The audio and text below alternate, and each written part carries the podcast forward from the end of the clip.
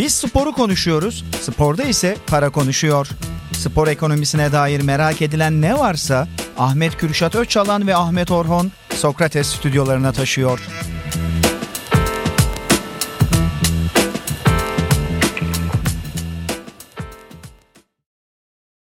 Sokrates'ten herkese merhabalar. Para Konuşur'un yeni bölümüne hoş geldiniz. Bugün pek de anlamadığımız bir şey olan e-sporsu konuşacağız. Ve yanımızda da e-spor deyince aklına gelen ilk isimlerden bir tanesi olan Sinan Dursunoğlu var bizlerle. Sağ olsun kırmadı geldi. Abi sen anlatacaksın biz de öğreneceğiz senden birazcık. Tabii ki. Ee, selamlar. Öncelikle çok teşekkür ederim. Ee, hem beni davet ettiğiniz için hem de bu sıcak ortamın içinde bulunduğum için hem heyecanlıyım hem de çok mutluyum. Teşekkür ederim. İstediğiniz soruyu sorabilirsiniz. Ben de aynı samimiyetle cevap Biz teşekkür ederiz. Bugün biliyorsun yine 4 senede 3. kez e, yılın e-spor takımı ödülünü almak üzere ödül törenine gitmeden buraya bir uğrattık. Hani Evet. jantiliğinin nedeni, gömlek ceket giymesinin nedeni biz değiliz. Asla Aynen yanlış öyle. anlaşılmasın. Ödül törenine gideceği Evet, için evet. aslında. Senede bir kere giyiyorum. O da Evet. ödül töreni. Normalde zaten. nasıl giyinir e-sporcular? Oradan başlayalım abi.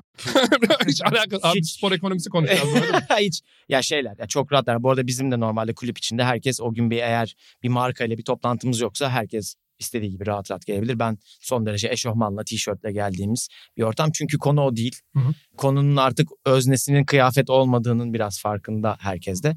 E, İnsanlar rahatlar o yüzden bizde öyle bir şey yok. Yani marka olmadığı müddetçe istediğimiz gibi giyinebiliyoruz. Kulübü Foot İstiyorsan- Esports'u istersen Tabii. e, anlatalım. Foot Esports'un kurucularından Sinan Bey. Daha önce de ilk ama futbolisti galiba değil mi? Doğru ilk adı futbolisti. Ee, ya şöyle çok kısa anlatayım. Aslında futbolist 2014 yılında bir aplikasyondu. İşte bu app çılgınlığının olduğu dönemlerde futbol haberleri üzerine işte her gün editörün hazırladığı 11 tane haberi veriyorlardı.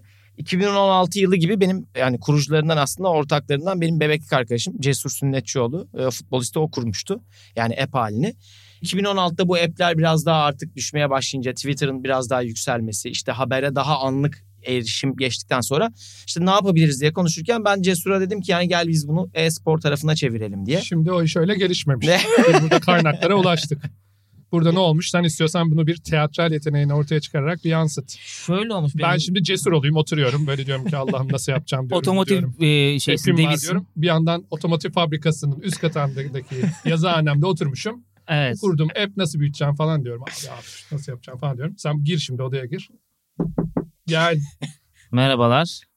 Ama sen Aa, çocukluktan beri olsun, mi? merhabalar diyeceğim. Normal şey, şey, tamam. Kanka ne haber diye. Yani. Ama belki de öyledir. Biliyoruz adam iş adamı. Belki de öyledir. Yanında birisi varsa diye düşündüm ben olabilir. bir yandan da. Gel gel gel kimse yok dedim. tamam öyle olsun. Bir iş var mutlaka girmemiz lazım. Abi bak olmaz. Denedik batıyoruz sıklıkla. Senin bu bitmiyor. Hadi. E-spor abi. Abi Yani e-spor olur mu? Ne ne Abi, abi, herkes e-spor? oyun oynuyor. Bak çocukluğumuzdan beri Ee? düşün kafanı bak, bak internet kafeye giderdik insanlar oyun oynardı. Tamam. Yanında izlerdik onları ne falan. güzel, oyun diyorsun durmadan. Şimdi buradan para kazanılacak. Nasıl olacak? Çok büyük paralar dönüyor. Dedin ve sen Bu orada... kadar abi bilgim bu kadar için daha da fazla iler- ilerletemiyorum Abi yani. e-sporun ge- dur yaptığın ne yapıyorsan bırak. E-spor geleceğimiz e-spor. Arabayı evi sat ki bunda noktada bir araba fabrikasının satılmasından bahsettik. Satmış. Arabaları. Yok öyle Ay, bir şey şükür. yapmadı. Ya ben şey diye söyledim. Aklı senin bir Bu arabayı sat amaç zaten adamın için bu arada. Araba, araba satmak amacı olduğu için. Bir şeyin başına E gelince seksi oluyor ya bu aralar. Evet, E-spor abi, böyle evet. bir e-devlet, e-ticaret hani onların hepsi. Ben oradan yakaladım. Ya dedim ki başında E var. Ha. Bırak yani düşünmemize. Peki ne abi o e neyi katıyor? Yani e-spor spor mudur sorusu biliyorsun çok Evet. ciddi tartışılan bir durum. Hani onu da anlatıp şeye devam edersen bu Tabii. yolculuğun Cesur'la birlikte nasıl buluştuğu ve ilerlediği kısmı. Sence spor mu? Önce evet ya da hayır. Kesinlikle. Tamam. Yani Şimdi sen fitsin diye inanıyoruz da. yok ya, Biz şimdi şöyle gibi düşünüyoruz. Yani şimdi Kürşat'la ben görece fit insanlarız Yani ben de diyelim. sporcuyum diyebilirim o zaman. Kendi evimde ne acizane Peki, şöyle spor yapıyorum. Evet. sumo güreşçisi sporcu mu? Sporcu. E fit değil. Hayır, kendi sporuna Hadi- göre fit. hadi bakalım. De spora göre fit Tamam, demek ki ha, öyle ya. Anlatsana bir bakalım. işte, Neymiş öyle- o? Neymiş? Şimdi şöyle fit? elektronik spor diye geçiyor. Tabii Sumo ki güreşçilerini body shaming yapmıyoruz aslında. Sadece spor gereksinimi olarak biraz fazla yağlanmaları gerektiği için. bizdeki fit hikayesi biraz daha dinçlikle alakalı. Öyle cevap verebilirim. Ya önemli olan oradaki kilosu veya işte fiziksel olarak işte proporsiyonu değil. O gün zinde olması, o gün uykusunu alması, doğru beslenmesi. Çünkü çok uzun bir süre boyunca uzundan kastım işte belki turnuva boyunca 3-4 saat bir masanın karşısında bilgisayar koltuğunda oturup o oyunu en üst seviyelerde oynaması gerekiyor. Burada şöyle bir örnek vereyim. Bu Kaan e, abinin de aslında örneklerindendir. Hani ondan da söylemiş olalım. E-spor en çok motor sporlarına benziyor. Hı hı. Çünkü amaç burada nedir? Motor sporlarında nasıl Formula 1'de örnek verelim. Siz bir aletin içinde o aleti limitlerde kullanmaya çalışıyorsunuz. Hı hı. Yani refleksinizle, dayanmanızda, G kuvvetiyle. Aslında e-sporda o bilgisayarı, mouse'u, klavyeyi o ekran boyutlarında olabildiği kadar maksimum seviyede en e, limitlerde kullanabilmek. Ben mesela şu an bakıyorum o pikseli göremiyorum ama o çocuğun gö- gözü görebiliyor. Veya o çocuk kulaklıktan arkadan kaç kişinin geldiğini duyabiliyor. Ben hiçbir şey duymuyorum. Yani aslında detaylandırdığımız zaman hikaye bambaşka bir Ya yere zaten 3-4 saat boyunca bir ekrana bir koltukta full konsantre oturup bir bir ekrana full konsantre şekilde olmak.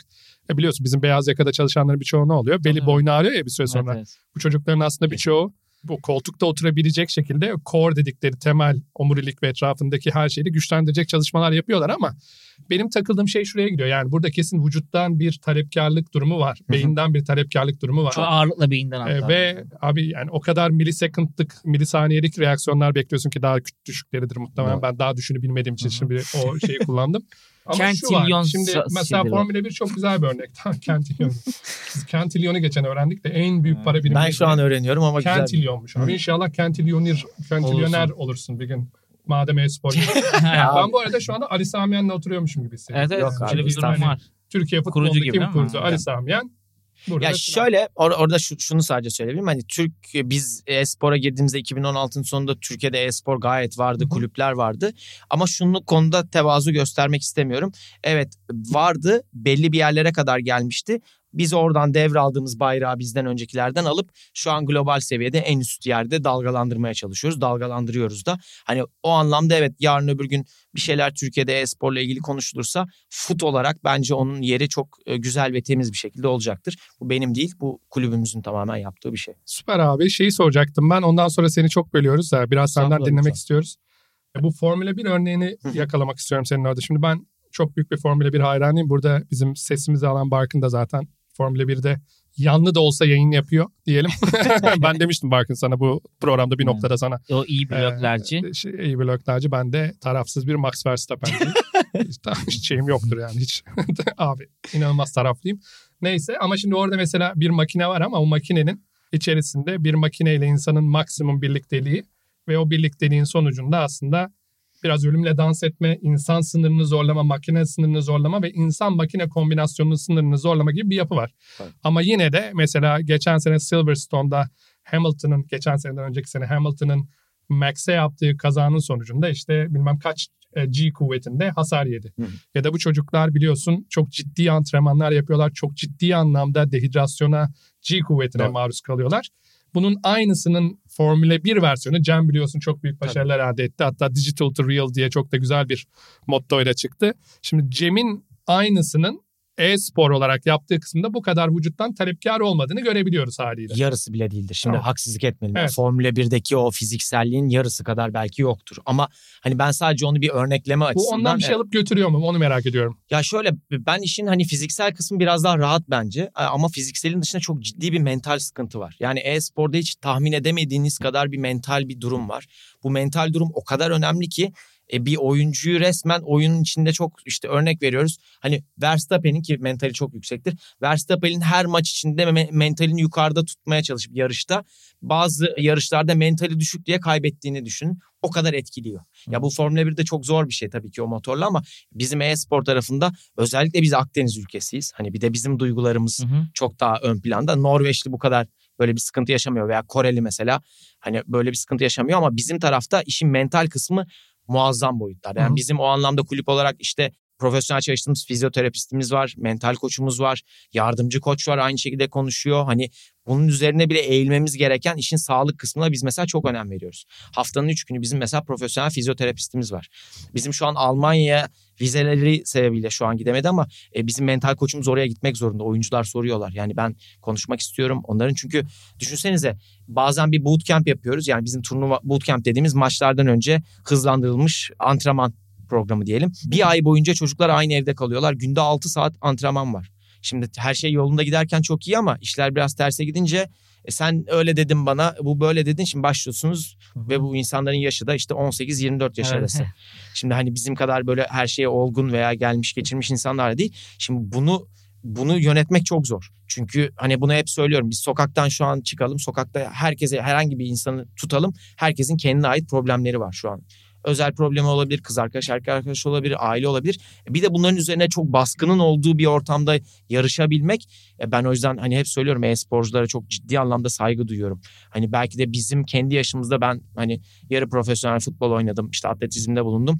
Orada bile görmediğim baskının belki 5-10 katını şu an karşılıyorlar. Bir de sonunda ciddi anlamda bir maddi durum var.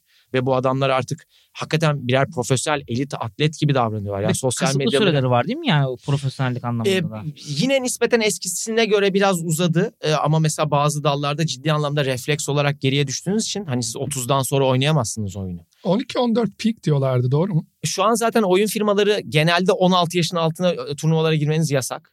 Genelde 18 ama bazı oyun firmaları 16 yapıyor bunu. Çocuk Ama bu işçi gibi bağımlılıktan, bağımlılıktan dolayı bağımlılığı engellemek istedikleri için biliyorum ben. Yani biraz hem şimdi şu an çok gri bir alandayız. Çünkü şu an dünyada yeni büyüyen bir alan. Son 15 senede özellikle son 10 senede hele son 5 senede çok arttı. Şimdi ailelerin de çekinceleri var. Çünkü insanlar şey zannediyorlar. Böyle çocuklar böyle odaya kapanıyor 12 saat hep böyle aynı tuşa basıyor. Yani böyle bir şey olma imkanı yok. Ya böyle bir şey zaten yapsa herkes yapar. Türkiye'de 60 milyon bunu yapar. Hani bu doğru bir yere götürse seni. E böyle değil. Bu hakikaten bu çocukların önce bir yeteneği olması gerekiyor. Ha bizim artımız nedir? Ben onu hep söylüyorum. İşte bugün hani tenis için konuşalım, futbol için konuşalım. Sizin bir tane çok yetenekli bir oyuncu var diyelim ki İzmir'de, Aydın'da bir tane çok yetenekli tenisçi, basketçi var. Ya bizim o adamdan haberimiz olması için bir oraya scout gitmesi lazım, oraya birilerinin izlemesi lazım, birilerinin torpil yapması lazım. Evet bu Zor. ekonomi- Ama bende öyle bir şey yok. Bende çünkü bir oyuncu diyor ki abi ben çok yetenekliyim. Aç abi istatistiğini Oyna diyorum. abi. Hayır datası var abi. Hem bende global hem Evet. Türkiye datası oyunun içinde. Ya bana adam yalan söyleyemez. Ve ben de görüyorum. Yeteneği de belli ortada. Ben ondan sonra şuna bakıyorum. Bu takım oyuncusu mu? Hı hı. Kimyası uyuyor mu? Çalışkan mı? İş Bireysel ahlakı var mı? daha yoksa? E, şey mi? Hani sosyal medyası iyi mi? Presentable mı? Şimdi bunları bunlar nasıl gibi. bir algoritmayla çözüyorsunuz? Yoksa kişisel bir hüküm verme noktasında mı hala? Ya şu anda sen şu şey an yapabiliyor kişisel musun? yani şu an tecrübelerimize Anladım. göre tamamen bugüne kadarki Ya çünkü şu göre. anda beni benden daha iyi tanıyor ya internet üzerinden Doğru. beni inceleyenler. Doğru. Ee, o yüzden hani öyle bir algoritmayı kullanıyor musunuz acaba diye Yok şu an henüz kullanamıyoruz ama mesela şöyle hani bunda da cesur yani ortağımla beraber hani onun fikriydi de zaten hani biz bazen oyuncuları alırken test yapıyoruz. Kişilik ve ki- e, kimlik testi yapıyoruz. 100 soruluk neredeyse. O bize 3 aşağı 5 yukarı takım oyuncusu mu, bireysel mi, egoist mi, e, gün sıkıştığı zaman baskı altında takımı mı düşünüyor gibi gibi bazı şeyleri bize doneleri verebiliyor. Evet. Ama burada şu da var. Hani bu da çok enteresan bir yapı. Mesela başka takımda çok bizdeki kelime toksiktir e-sporcular arasında. Bu oyuncu çok toksik veya çok işte takım oyuncusu.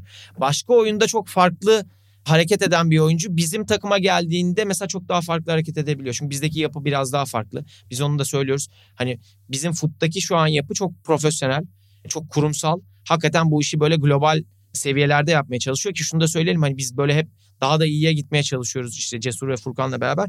E, biz bu sene e, yurt dışında yaklaşık 30'a yakın takım sahibiyle beraber bir seminerdeydik. E, biz orada gördük gözümüzde büyüttüğümüz takımların çoğundan daha kurumsalız. Onlar bize soru sormaya başladılar. Onlar bize sponsorluklarını sormaya başladılar. Bu da bizi ayrıca mutlu etti. Demek ki bir şeyleri doğru yapabiliyoruz.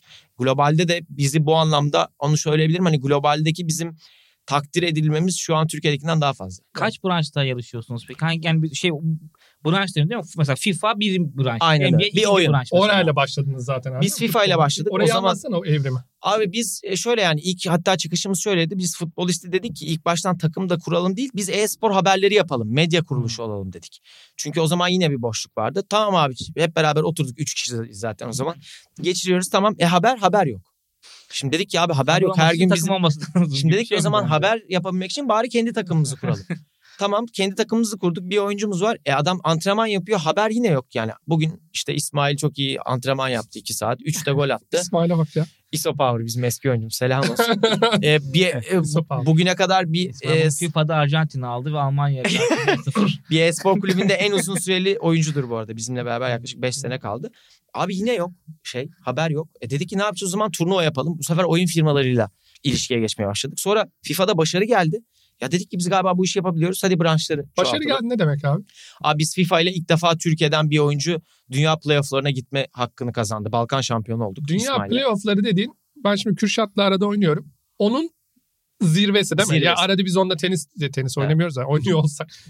şimdi ekranlara bakıp bir e, O dönem iki platform var PlayStation ve Xbox. Dünyanın en iyi 64 oyuncusu hem Xbox'ta hem PlayStation'da en son dünya şampiyonasına gidiyorlar. Hmm. Ayrı e- ekipmanlar değil mi bunlar? Tabii. Yani ayrı turnuvaya gidiyorlar değil mi bunlar? Ya aslında aynı turnuvanın iki ayağı düşünün. Turnuvaya kaç kişi yazılıyor? Turnuvaya yazılmak Ama için burada şey- önemli ben şey- yazılabiliyor muyum Yok yani? e, şöyle onun için sene içindeki belli başlı hafta sonu maçları vardı o dönem. Bu Hı. format her sene değişiyor. Tenis gibi. Hmm. Sen puan topluyorsun aynen tenis gibi. O zaman diyor ki işte ilk 128'i ben turnuvaya çağırıyorum. Bu turnuvada da işte ilk 64 oynuyor. 64'ün 16'sında ben sonra dünya şampiyonasına göndereceğim gibi gibi. Hmm. Şimdi şöyle bir size tam anlamanız için e, söyleyeyim. O güzel bir yapı. E-sporda genelde piramit sistemi dediğimiz sistem var. Piramit sistemi nedir? Zaten güzellik, adillik kısmı da böyle. Yani abi ben aslında çıkışı da şöyle. internet kafeden çıkıyor ya bu hikaye. İnternet kafede biz üçümüz oturuyoruz. Beraber örnek veriyorum. Counter oynuyoruz. Abi biz galiba iyi oynuyoruz. Hadi yandaki internet kafedeki adamları yenelim. Lan burayı yendik. Bir de işte diğer ilçedeki adamları yenelim. Oldu galiba İstanbul'da bizi yenecek adam yok. Hesabını Türkiye'de yok. Orada tabii. Aynen öyle. Yiyip bir de yancılar var. Onları da. Şimdi genelde şu an dünyadaki e-spor sistemi piramit sistem. Yani senin en baştan lokalden çıkıp basamakları böyle zirveye tırmana tırmana gidebileceğin sonunda da dünya şampiyonasına gidebileceğin bir yol açıyorlar. Şimdi bu Tamam. futbolda olması belki 10 sene ama bizim buradaki hikaye aslında bir senede senin veya iki senede hadi bilemedin yukarıya kadar çıkmana imkan sağlıyor. Bu şimdi muazzam bir adil bir durum. Ya düşünsenize siz 5 kişi çok iyi oynuyorsunuz. internet kafedesiniz ve e-spor kulübü kurup devam edebiliyorsunuz. Şimdi onun da güzelliği var. Aslında herkes e-spor kulübü kurabilir. Hı hı. Ya Biz şu an hep beraber oturup hadi Sokrates e-spor kulübü diye Bir lisans almamız gerekiyor mu? Sizin bir Türkiye'de lisansınız var mı? bizim var şöyle yani Türkiye'de e-spor federasyonuna bağlı olarak bu lisansları çıkarmanız gerekiyor. Hmm. Ama orada grilik var. Şimdi şu, grilik şu. Şimdi buradaki normal geleneksel sporlardaki gibi anonim değil abi spor. Yani biz şu an sokağa çıkıp hadi top oynayabiliriz desek bize Infantino gelip hop ne yapıyorsunuz siz burayı Evet. nasıl oynarsınız kardeşim bu oyun bizim diyebilir mi? Diyemez ama bugün oyun firması siz yayında oynarken bile senin oynamanı istemiyorum ben dediği an IP onda. Allah o. Ama çok büyük bir sıkıntı değil mi bu? O onun riski alır. Mesela geçen yine Max dünya şampiyonu hem online ortamda hem gerçek ortamda şaka bir yana online'da da deli gibi yarışıyor abi. Hı hı. Herif takıntılı olduğu için yarışı bırakıyor. Hı, ödül direkt oraya töreninin geçiyor. ardından uçağa gidiyor ya uçağına simülatör kurdurdu uçakta oynuyor yani. onunla yarışacak bir şu an sporcuyla anlaşıyor, Öyle mi? anlaşıyoruz. Evet Yani ve onunla abi yarışacak önümüzdeki Kesin günlerde. geliyorum izlemeye. Yani Ne nasıl zaman izleniyor istersen. bilmiyorum o da. Ya yanına gideriz Kurarız. çayını kahvesini getir onu yok. şey yapalım. İzleyecek adam da buluruz yani bu arada onu. izleyecek çok insan olur. isteyen çok insan olur. Şimdi ne diyordum ben? Max işte online de oynuyor. Şey de oynuyor diyordun. Hayır Ondan bu piramit sistemi yukarıya Ha, çıksa. Ya e-spor şeyde kulübü pardon e-spor kulübünde abi şey olmuştu orada. Yayında çok ciddi bir sıkıntı yaşadılar yakın zamanda biliyorsun. Hatta Max böyle şey gibi bir açıklama yaptı. Hem sözlü hem daha sonra Twitter'dan da herhalde açıkladı. Ya böyle yapacaksanız yapmayalım. Milyonlarca dolarlık bir organizasyon. Bütün şey bunu bekliyoruz. Bütün hani hafta boyunca bunu bekliyoruz. Böyle bir rezillik olmaz falan deyip çok ağır giydirdi. Hangi oyundu bilmiyorum ya da hangi ortamda platformdu. Şimdi burada ben gördüm birkaç tane yani birkaç tane belki zamanla çözülecek ama şu anda benim bilemediğim şey var. Şimdi futbol dediğinde biz aynı şeyi oynuyoruz abi Evet. hepimiz. Şimdi PES ayrı bir şey, FIFA Evet. ayrı bir şey. Bir de öyle bir dünya. Xbox ayrı bir şey, PlayStation ayrı bir şey, PC ayrı bir şey. Ya bunlar- Tablet ayrı bir şey, mobil ayrı bir şey. Bunların hepsi ayrılıyor. İnternet hızı, altyapısı ayrı bir şey. Ya bizim bile bizim bir tane arkadaş vardı çok büyük counter'cıydı o bizim aramızda. Onun mouse'u vardı abi böyle yandan tutuyordu bir şeyler yapıyordu falan. Bizimki böyle o Ekranı ortasındaki böyle oynayan var mesela. Şöyle, Aynen. şöyle oynuyor. Abi değişik şey. Yani bizimki bayağı bildiğin toplu mouse zaman yaşımız ortaya çıkıyor da biz toplu mouse zamanındayken adam böyle yandan bilmem ne lazer şeyiyle devam eden mouse şey yapıyordu. Biz zaten yani daha hızlı bir reaksiyon veriyordu artık mouse bilmiyorum ama hani fiziksel anlamda değişiklikler de var. Ve işin ucunda da bu bir aslında federasyona bağlı değil yani ya da uluslararası bir organizasyona bağlı değil bir oyun şirketinin Evet. insafına bağlı. Tamamen ona. Çünkü şöyle düşünsenize şimdi mesela Bu o- beni kaygılandıran kısmı. Ne- Ve bence ekonominin etrafındaki en büyük soru işareti. hem kaygısı var çekincelerinde haklısın hem de çünkü birinin sonuçta bir eğer haksızlık olduğunda işte mahkemeler şu an veya hani bir, bir FIFA gibi bir tepede bir şey yok. Ya Dünya E-Spor Federasyonu var ama mesela onlar kurulduktan sonra da e, oyun firmaları dedik yani siz kimsiniz ki yani? Abi bu değişmek zorunda değil mi? Mesela biz geçen Nasıl olacak? programda futbolu konuşmuştuk. Futbol Association'ın kurulmasının tek bir nedeni var. İngiltere'de. Topun ağırlığı abi. Biliyorum. Ya bu E, topun ağırlığını ne yapacağız abicim? Şimdi herkes bir Karar topla vermiş. oynuyor. Ortak bir payda buluşturmaya çalışmak. Ama var olamaz. maçın. Ya bu e, hayatın doğal akışına aykırı. Çünkü adamın özel abi. O adam için adam diyor ki ben iki sene boyunca burada 200 kişiyi çalıştırıyorum. 100 milyon dolar argeye harcıyorum. Bir oyun çıkarıyorum. Sen de diyorsun ki abi bu oyunu şunlar oynuyor. Yani sen diyor ki yani ben karar veririm onu. Ve şu an mesela hani onu söyleyeyim. Şu an evet Türkiye'de mesela e-spor federasyonu var. Biz mesela oraya kayıtlıyız. Oyuncularımız lisanslı olarak katılıyorlar ama günün sonunda şöyle bir şey var. Oyun firması diyor ki Türkiye'de ofisi yok adamın. Diyor ki ben bunu online açıyorum kardeşim. Sen istiyorsan evinden katıl. Ha ben bir lisans aramıyorum. Hani ben bunu sormadıktan sonra sen sorarsan biraz havada kalıyor. Hı. Ya şimdi biz mesela Formula 1'i de incelerken abi şimdi bizim bu programda bizim yaptığımız hep şey her yani programın ilk başından beri aslında spor ekonomisi nedir, nasıl oluştu, onun üzerinden nasıl ilerliyor diye bunun farklı sektörlerine bakıyoruz. Şimdi buna bakarken gördüğümüz bazı öğretiler var. Ben ben bu programda biraz daha hani ekonomik gerçekliklerin, Tabii. sportif gerçekliklerin üzerinde bir dikte etme durumunun olduğu ve ekonomik gerçekliklerin uzun vadede sporu şekillendireceğinin savıyla ilerledik. El mahkum doğru diyorsun. Ki senin şu anda dediğinde zaten hani şirketler bunun en büyük göstergesi. Diyor ki babacığım ben yüzlerce mühendis, yüzlerce tasarımcı çalıştırıyorum. Messi'yi getiriyorum, giydiriyorum orasını burasını. Anlık reaksiyonların neredeyse herifin dijital bir mecrada kopyasını yapıyorum. Ki zamanla muhtemelen gerçeğini de yapacaklar. E, Black Mirror dizilerinde olduğu gibi. Şimdi burada durum bu. Eyvallah güzel. Sen Ama şimdi- dışarıdan birisi olarak geri diyorsun ki ya sen çok güzel yapmışsın. 200 milyon dolar da harcamışsın ama bunun kime katılacağını ben karar veriyorum Evet. dese kesinlikle öyle. bir anlamı yok. Ama şimdi diğer taraftan geldiğimizde ben bunun ekonomik gerçeklik olduğunu katılıyorum. Hı hı. Bir noktada şeyi tartışırım. Doğru mu yanlış mı bunu ayrı Bu arada. PES ve FIFA bir araya gelip tek bir oyuna indirgendiğinde acaba daha büyük bir ekonomi oluşur mu? E, sonra üçüncü bir oyun çıkar. Onların seviyesinde belki de ona ihtimal kalmayacak yani. Ama bu ama Ya oradaki şeyi bilmiyorum sadece. kapitalist düzende her daim mutlaka dışarıdan işte nasıl bugün dünyada bir sürü araba firması varken Tesla diye bir firma çıktı. Bu olacak yani. Orada ama şöyle bir durum var. Bunu araba firmasından gelmemek lazım orada. Orada Google'dan gelmek lazım. Mesela veya. Yani çünkü şeyde her yere ulaşılabilir ve ulaşırken de fiziki gereksinimi kısıtlı olan bir şey ya bu. Evet. O yüzden burada işte ne bileyim işte sosyal medya deyince dünyada neredeyse Çin'i geçersek Çin'in Kendi yani sosyal kendi var onların. e, limitasyonları da olduğu için ne kullanıyoruz? Instagram kullanıyoruz. Ama şöyle düşün abi hı. pardon sözünü böldüm. Yani mesela büyük ihtimalle şu konuşuluyor. Belki de şu an ChatGPT Google'ın yerini alacak. Hani Evet. bizim Google acayip bu hayatta kimse bildire, öldüremez dediğin şeyi bu belki olabilir. bir sene Bunun- içinde ChatGPT bitirecek. Yü- mesela. ben buna yüzde yüz katılıyorum ama bunun şundan farkı var. Şimdi biz aynı anda Google, Yahoo, e, MSN Search vardı değil mi? Mesela Evet, MSN eskiden. Search kullanmıyoruz ya neredeyse. Hatırlar. Yüzde bir ikilik onlar ve Google. Google bir süre sonra ya da futbol oyunu da FIFA'da bir süre sonra ortadan kalkabilir. Ve Yandex, başka bir Yandex var bir de. evet işte başka o da Rus de- ya onlar biraz ideolojik neden Çin'de de var bir tane de ama özgür dünyanın diyeyim kullandığı şey Google. ideolojik bir açıklama oldu ama neyse hayırlısı olsun. Rusya'yı ve Çin'de seviyoruz bu arada yaşamışlığımız var Çin'de şimdi yanlış anlaşılmasın. Ama şimdi FIFA devam edip FIFA bir süre sonra gündemden kalkıp yeni bir spor FIFA'nın yerini alabilir. Evet. Ona okeyim. Ama şu anda hem FIFA'nın hem PES'in bir yandan PlayStation'ın ve bir yandan Xbox'ın aslında dört bacaklı bir yapının devam edebiliyor olması birazcık verimsiz. Bu ekonomik gerçeklik bunun bir noktada tek bir potada erimesine ister. Ama bunun şöyle bir sıkıntısı var. Şimdi mesela Formula 1'i Liberty Media aldı. Hı hı. Ve Liberty Media aldıktan sonra ben bu hafta sonu ben Senna'nın vefatından beri Formula 1 izlerim. Yaklaşık 30 sene falan oldu yani herhalde. Tahmin 28 sene 29 sene oldu. O kadar die hard böyle ölümüne Formula 1 taraftarıyımdır. Tatilde de izlerim, dağda da izlerim, nerede bulursam izlerim. Ama mesela bu hafta sonu benim en sıkıldığım hafta sonlarından birisi oldu. Neden? Liberty Media şunu istiyor. Diyor ki abi daha fazla medyaya satabilecek ürünümüz olsun. Sprint hafta sonu diye bir şey uydurdular. Evet. Abi yarışın en büyük bilinmez yani en büyük albenilerinden biri Formula 1 yarışının bilinmezliğidir. o pazar gününe girdiğinde 3 tane antrenman bir tane sıralama turu vardır ama yarış formatı başka bir formattır ve bilinmezdir.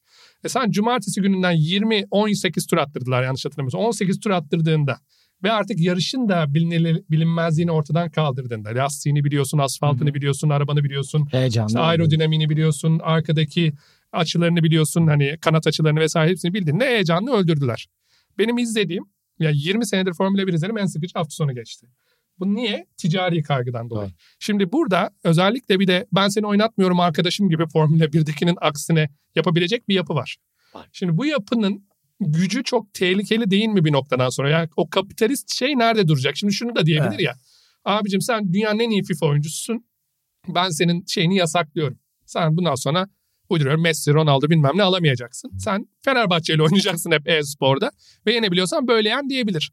Ve aslında bir sporcunun elinden tenis raketini almak ya da tenisini Hı hı. tenis raketini küçültmekten bunun bir farkı yok. Abartıyorum tabii de. Yok ama yok Hani doğru bir yerden. riski var mı? Şöyle yani hemen birkaç konuya da dahil olmuş. Yani şimdi FIFA üzerinde çok şey yapmıyor. Yani FIFA çünkü EA Sports'la FIFA'nın bu arada globaldeki FIFA'nın anlaşması sonucu bir isim hakları var. Şimdi EA Sports'ta FIFA'dan işte Messi'nin ismini, Galatasaray Fenerbahçe'nin isim haklarını federasyonlar üzerinden alıyor. Bu sene o bitti. FIFA dedi ki ben sana bu rakama vermiyorum EA Sports'a. Bir senedir görüşüyorlar anlaşamadılar. Şimdi isim hakları kime gidecek? PES gelip şimdi dünyanın en iyi oyununu da çıkarsan futbol özelinde konuşuyorum. E sen orada Messi, Ronaldo demedikten sonra Hararingo, Zozozingo, işte Manchester Blue, Manchester Red, London FC. Hadara Hutturu diye oynamanın da bir keyfi yok. Şimdi onların mesela o yüzden ayrı bir ticari sıkıntısı var orada. Bunu nasıl yapacaklar bilmiyorum. Şimdi benim senin söylediğinden başka bir yere konuyu açayım. Şimdi benim tarafta şöyle bir sıkıntı oluyor. Oyun firması bu işin e-spora ne kadar gitmesini istiyor istemiyor. Ben şimdi onun ağzının içine bakıyorum. Çünkü örnek veriyorum PUBG Mobile mesela diyor ki ben senede 30 milyon dolar dağıtıyorum. O zaman kulüpte olarak biz diyoruz ki evet bu oyun çok iyi bir oyun. Oynayalım devam edelim. Dota diyor ki ben 100 milyon dolar dağıtıyorum. İşte Riot diyor ki mesela Valorant ben işte 40 milyon dolar dağıtıyorum. O zaman bu oyuna girelim. E şimdi FIFA diyor ki ben bu sene 150 bin dolar dağıtıyorum. Tamam abi sen devam et hani. O zaman kendi aranızda oynayın. Şimdi mesela senelerdir bizim Türkiye'de FIFA'ya açık ara en çok yatırım yapan kulüplerden bir tanesiyiz. Hani dünya sıralamasına giren ender takımlardan biriz. Bizim oyun içine formamız girdi. Yani FIFA 21'de bizim fut formamız oyun içindeydi. Türkiye'de ilk defa bir takımın forması girdi. Süper. Çok güzel. E ama işte ödül havuzu e, dünya üçüncüsü olduk 10 bin dolar. E İsmail o dönem yarı final oynadık Avrupa'da 3500 dolar. E, o zaman tamam abi siz hani daha. Çünkü onun da mesela şöyle bir ticari kaygısı var. O hafta sonu işte paket açılımı, fut. O da oradan quarterly belki milyar dolar kazanıyor. Adam diyor ki ya ben senin e-spor. Ben de seni çok şey yapmıyorum. Şimdi böyle dediğin gibi aslında arada ticari kaygılardan dolayı başımıza gelen şeyler var. Ben şimdi mesela biraz daha hani konuyu size e, daha doğru anlatmak istiyorum. Ya şimdi şöyle bir durum var. Normal kulüplerde nedir? Voleybol, basketbol işte branşlar vardır. O branşların nereye gideceği 3 aşağı 5 yukarı bellidir değil mi? Hani en kötü sene başında konuşursun açalım kapatalım veya işte maliyet. e şimdi bizde mesela oyun firması diyor ki örnek veriyorum bir oyun için bu sene 12 milyon dolar dağıtıyorum diyor. Bize haberi geliyor önceden. Biz hemen onun çalışmasını başlıyoruz. Daha sene başlamadan önce işte oyuncularla anlaşıyoruz. Belki önden maaş vermeye başlıyoruz. Senenin ortasında oyun firması diyor ki ya ben vazgeçtim. İstediğim hype alamadım. Ben turnuvaları bundan sonra iptal ediyorum. Şimdi benim için okey yine ben o branşı çok hızlı kapatırım da oyuncu ne yapsın? Şimdi oyuncuya yazık değil mi? Adam ona göre Oyuncular kendi... da branşlaşıyor çünkü değil mi? Mesela Tabii. FIFA oynayan adam LoL oynayamıyor Yok yani. öyle bir şey yok abi. O şey gibi. Ama bambaşka refleksler onlar. Öyle de yani işte bilinsin diye. O herkes- ki de- Ba- herkes bazı öyle mesela çok birbirine çok birbirine yakınlar oluyor. Yani PES FIFA'da mesela bazen olur ki o bile olmuyor. LoL'la Dota. Abi Dota çok eski bir oyun. Sen yani bilerek Dota, söylüyorsun bunları? bilerek bilerek tamam. söylüyor. Dota mesela çok ben daha hiç bilmiyorum oraları da. Dot, ya şöyle Dota'da 100 işte bilmem kaç yani daha eski bir oyun. Biraz Dota satranç, LoL biraz daha işte bir çıt hani daha genç yaştaki insanların da oynayabildiği gibi ikisini oynayan oynar ama yine de LoL'ü çok iyi oynuyor diye Dota'yı iyi oynayamaz çünkü onun karakterlerini, ajanlarını bilmesi lazım. Ona en az bir mesai harcaması lazım. Ya abi zaten işin komiğini de onu da yapalım. Bize bazen mesela geliyor aile dostlarımızdan, arkadaşlarımızdan. E, Sinan bir şey söyleyeceğim. Efendim abi. Abi bizim bir oğlan var veya mahallede acayip oyun oynuyor. Abi ne oynuyor? Abi her şeyi oynuyor. Nasıl abi? Yani abi diyorum ki hangi Abi diyor ki sen hangi oyunu istiyorsan söyle onda acayip. Abi diyorum ki öyle bir şey olur? Belki Can Bartu gibidir. Hem futbol Evet, hem basketbol. yani Belki adam öyledir. Belki Hem- büyük hem- yetenekler şu Ya, anda. ya abi Buradan e-spor mecralarına şey seslenelim. Bu böyle olmaz. Değerlendirin bu çocukları. Ya Şey- Half-Life'i oynayan Counter diye oynuyoruz biz o zamanımızda yani. e, ben FM rezümemi sana e, çıkışa vereceğim. Evet. Zamanında mesela. CM Türkiye diye bir şey vardı FM. ben biliyorum yokken. Kennedy Bakırcıoğlu döneminden gelen Orada. CM Türkiye'nin web sitesi vardı bilirsin. 2-1 4-2-1 taktiğimle 6 ay bir numara kaldım ben. Zamanında e-sporcusuyuz o zamanlar para vermiyorlardı. Abi onun da şu an turnuvaları var. Ya, Yani Ya, e-sporda mesela ilerletin. bazı branşlar 2001'de var. kaldı ama 22 senelik bir güncellemenin en son ardından. Agoavalar vardı o işte. Aynen. Bakırcıoğlu. Shakhtar Donetsk'e dadandığımız endayelerin olduğu. Talibo West'le Agavaları. başlar. Talibo- direkt bir de Serkan-. Aykut şey Forvet kimdi Samsun'dan aldığımız? O Serkan. şov yapıyordu alınca. Hamit Altın toplar falan şeyde oynuyordu işte o Almanya'nın ikinci liginde bir takım vardı orada oynuyorlardı. Bu ama enteresan çocukları diyordun geldi adam ama bu uzmanlaşma Abi- nedir yani ya Abi PUBG ile şimdi ben mesela PUBG kapattı. Evet. Counter'a antrenman yapıp geçebiliyor muyum mesela? Abi yaparsın yetenekle alakalı bu. Hani Can Bartu gibi adam yapabilirse yapar ama şimdi her oyunun aslında çok farklı dinamiği var. Metası farklı bir kere. Ya mesela oyunu şöyle söyleyeyim. Adam 3 senedir mesela örnek vereyim oyunu oynuyor. Oyunun bir update'i geliyor. O metaya alışman bile senin 1-2 ay. Hı hı. Yani Düşünün o oyunu sürekli oynayan adam, Adam bile bile alışamıyor. Yeni bir şey alışamıyor. bir ay içinde abi değişti diyor. Oyun metası değişti işte duymalarım değişti onu değişti yani. Bu- niye diyor bunu? Muhtemelen soruyorlar. Niye kaybediyorsun kardeşim diyorlar. Abi değişti ya oyun Abi değişti değişti. diye. Ya mesela bazı ve bu şunu söyleyeyim hani Türkiye tarafından biraz daha hani sizin tarafa doğru da yaklaşmış olayım. Türkiye'de çok ciddi bir penetrasyon var. Yani biz mesela yeni şeyleri yapmayı çok seviyoruz. Nüfus olarak inanılmaz 80 milyonun içinde çok yetenekli insanlar var. Ee, E-spor tarafında kaçmamış bir tren var. Acayip yetenekliler geliyor. E, ama bunu doğru işlemek gerekiyor. Yani bizim mesela fut olarak hakikaten ben bunu çok açık yürekli söylüyorum. Biz bunu misyon olarak edindik. Yani Türkiye'de bu futbolda senelerdir bu artık klişeleşen baskette işte Türkiye'de 80 milyon genç var bir türlü futbolcu çıkmıyor. Biz bunu e-sporda istemiyoruz. Çünkü hakikaten aynı şey tren kaçarsa bu sefer geri dönüşüm bize çok zor olacak. Biz o yüzden gençlere çok önem veriyoruz. Hı hı. E, doğru şekilde antrenman yapmaları lazım. Abi, ha, şunu da söyleyeyim. Türkiye'deki en büyük sıkıntı nedir? Bana göre hep bunu da söyleyeyim. İş ahlakı yok abi bizde. Hani biz hep çimi böyle ortadan geçmeye çalışan bir adamız. Bizde yetenek varsa çalışmasına gerek yok. Disiplin kısmında. Abi bir tokat yiyoruz. Yani bunu yapan herkes bir tokat yiyor. E-sporda da öyle. Yani bu olmadığı müddetçe insanlara bence mesela bunun aşılanması lazım. Türkiye'de her spor içinde geçerli. Çalışmayı üzerine koyduğumuz dakika ya çünkü herkes şey kafasında abi. Hani Batuhan, e, Sergen Yalçın, ben Sergen. Yalçın'ım. Ya tamam abi sonuna bak işte. Hani Aynen. Hani Batuhan'ın Sergen Yalçın da değil Abi yani. bir de potansiyeline göre yani. bakman lazım. Tamam şimdi Sergen Evet. Yalçın 10 milyon dolar kazanmıştır Çok daha da iyi takımına gidebilirdi. 100 milyon dolar kazanabilecekken 10 Abi, milyon dolar kazanmış evet. olması bir ayıp değil mi abi? geçen gün Batuhan'ın işte mesela şeyini yazıyorum. işte Benzema ile kendi milli takımlarda hep benim arkamda kalırdı. Hı. Tamam çok komik doğru da söylüyor adam Doğru. da e şimdi hal yani hadi bir de oturalım hani şu an Benzema ne durumda sen Aynen. ne Adam durumdasın? Şampiyonlar Hani- Ligi şampiyonu. Ha, oluyor mutludur bu arada saygı duyuyorum sakın yanlış Yo, ayrı anlaşılmasın bir ama tercih ama yani hani bu bir başarı değil abi. Kıyas olmaması gerekiyor. Bununla yetinmek de çok ayıp bir şey Benim abi. mesela en büyük çekincelerimden biri şimdi Arda Güler var biliyorsun. Evet. Abi gitmesi lazım. Bak ben Fenerbahçe'nin bizde oynuyor. Oynadığı zaman mutlu oluyoruz ama gitmesi Git lazım. abi git. O profesyonelliği alması lazım. Sürdürülebilir. Burnunu sürtmesi lazım biraz. anlaması lazım. Emek harcaması Evet. lazım. Disiplini görüyor olması lazım. Abi antrenmana geç kalan oyuncu olmaz. Tabii tabii. Antrenmana yani sarhoş gelen oyuncu olmaz. Antrenmana uyumadan gelen oyuncu olmaz. Doğru beslenmeyen oyuncu olmaz yani. Bizim Fatih Terim'in en büyük şeyi ne oluyor? Adam kola şeylerini kaldırdı diye böyle inovatif... Abi yani kola içen sporcu mu olur gözünü seveyim. Sen içersin ben içerim kolayı o içemez. Ama şey kısmını soracağım ben. Şimdi bu aslında bahsettin. Bir yandan çok özel sektörün baş parmağının altında yani onların biraz insafında bir sektördesin. Doğru. Bir yandan çok insana bağlı bir sektördesin. Bir yandan da hani kendinin insan yetiştirmek ve alt onlara gerekli altyapıyı sağlamak üzere yaptığın yatırımlar var. Ve bu noktada da aslında dışarıdan bakıldığında biraz da böyle fırsat büyük olsa da ya acaba biraz fazla mı riskli diye değerlendirilebilecek de bir sektör. E-spor kurmak istersek abi. Kürşat da bizi bugün ikna ettin. Dedik ki biz, abi biz de kuralım bir tane ya dedik. Kulüp ya da senin kulüplerinden dedik ki abi biz bir tane sporu bize ver. Biz bir büyütelim bakalım ne yapıyoruz dedik. Ne gerekiyor? Bir birilerine abi e-spor kulübü kurun der misin? Bunun için gereken yatırım ne? Ve bundan beklentin ne? Yani ne, ne hedefliyorsun? Yani buradan bir milyar dolarlık bir iş mi çıkacak? Yoksa sen süre gelen bir modelle durmadan oyuncu yetiştirip oyuncuların işte bonservislerinden, gelirlerinden ya da işte kulüplerin Gelir e, kaynakları oyunların ne ağırlığı şeylerden. Ya nasıl para kazanacaksın? Bir de orayı anlamak Buna istedim. ek olarak bir de hangi branşa gi- girelim? Gireceksek de hangi... Hangisi? Yatırım Ha- tavsiyesi arıyoruz abi. Bir Acayip Tetris geliyor falan. Seni de e, yavaştan böyle Yok abi ben rahatım biraz daha rahatım söyleyeyim. Yani şöyle Cesur'un kulakları çınlasın. Ya biz bu işe girerken çok büyüyeceğini biliyorduk. Çünkü çok eksponansiyel artan bir rakamlar var abi. Yani yeni gelen nesil çok ciddi anlamda bunu izliyor.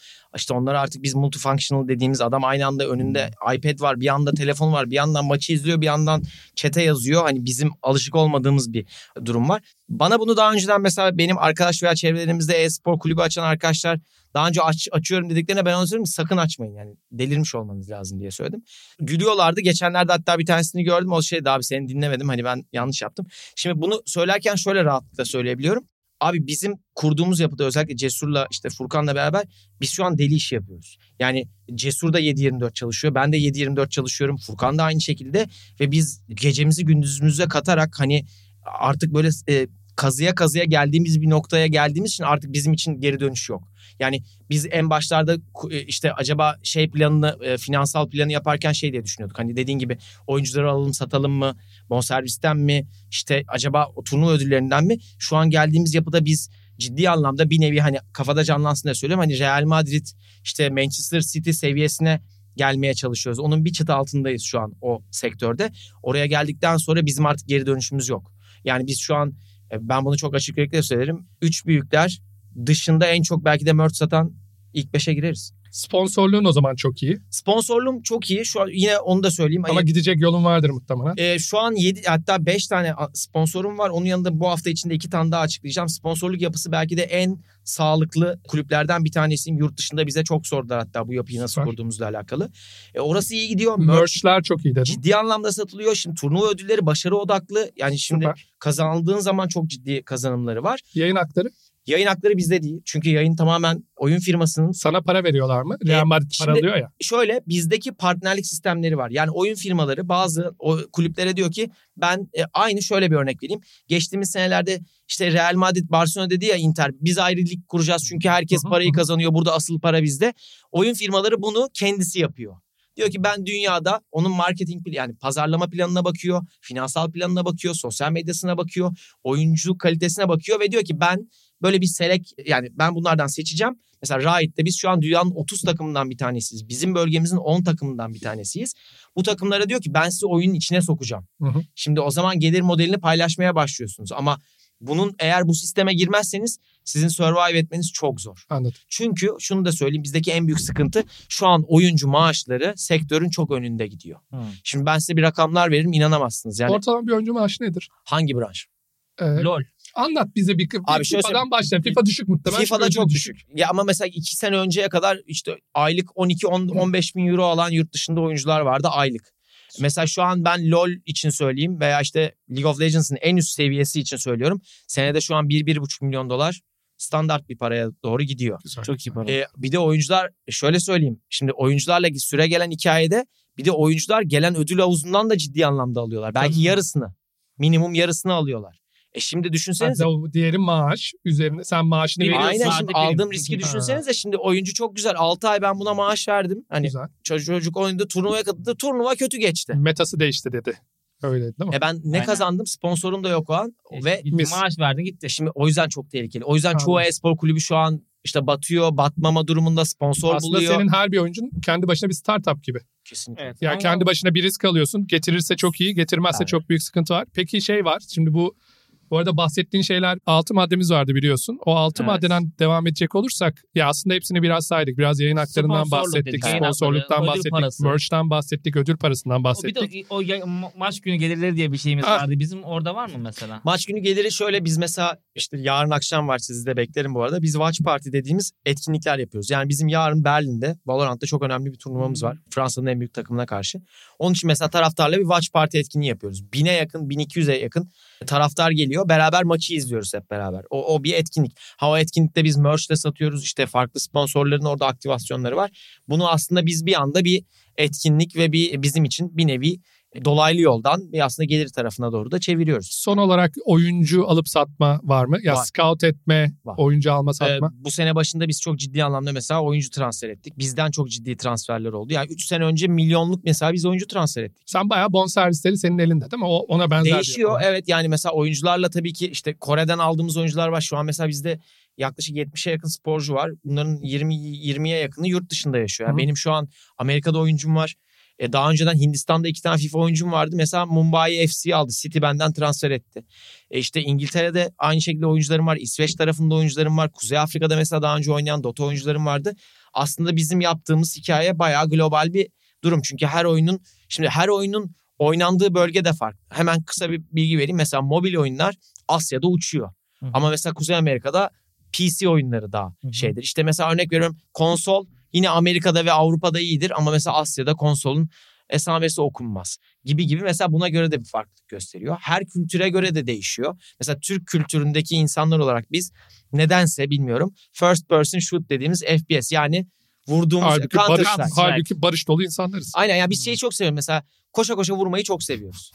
Ee, Böyle bir şeyimiz var. Abi e, mesela first person shoot'larda Turkish aim diye bir meme var. Bütün globalde. Yani Turkish aim hani adam abi sen Türk'ün şeyine çıkma diyor nişanda. Ha. Vuruyor ama mesela oyun oyun mesela biraz stratejiye döndüğü zaman da dalga geçiyorlar. Türkler. diyorlar. Uy var önünde bir Türk Evet. kadar güçlüden dijital çağ ile birlikte Evet. Turkish Aim'e Evet, tabii, kadar tabii. geldi. O zaman diyor ki no brainer mesela Eyvallah. Türkler için hani Abi süper oldu ya. Bize bir one on one gibi Evet, oldu evet, çok- e-spor için. İlk önce bir e-spor neden spor onu anladık.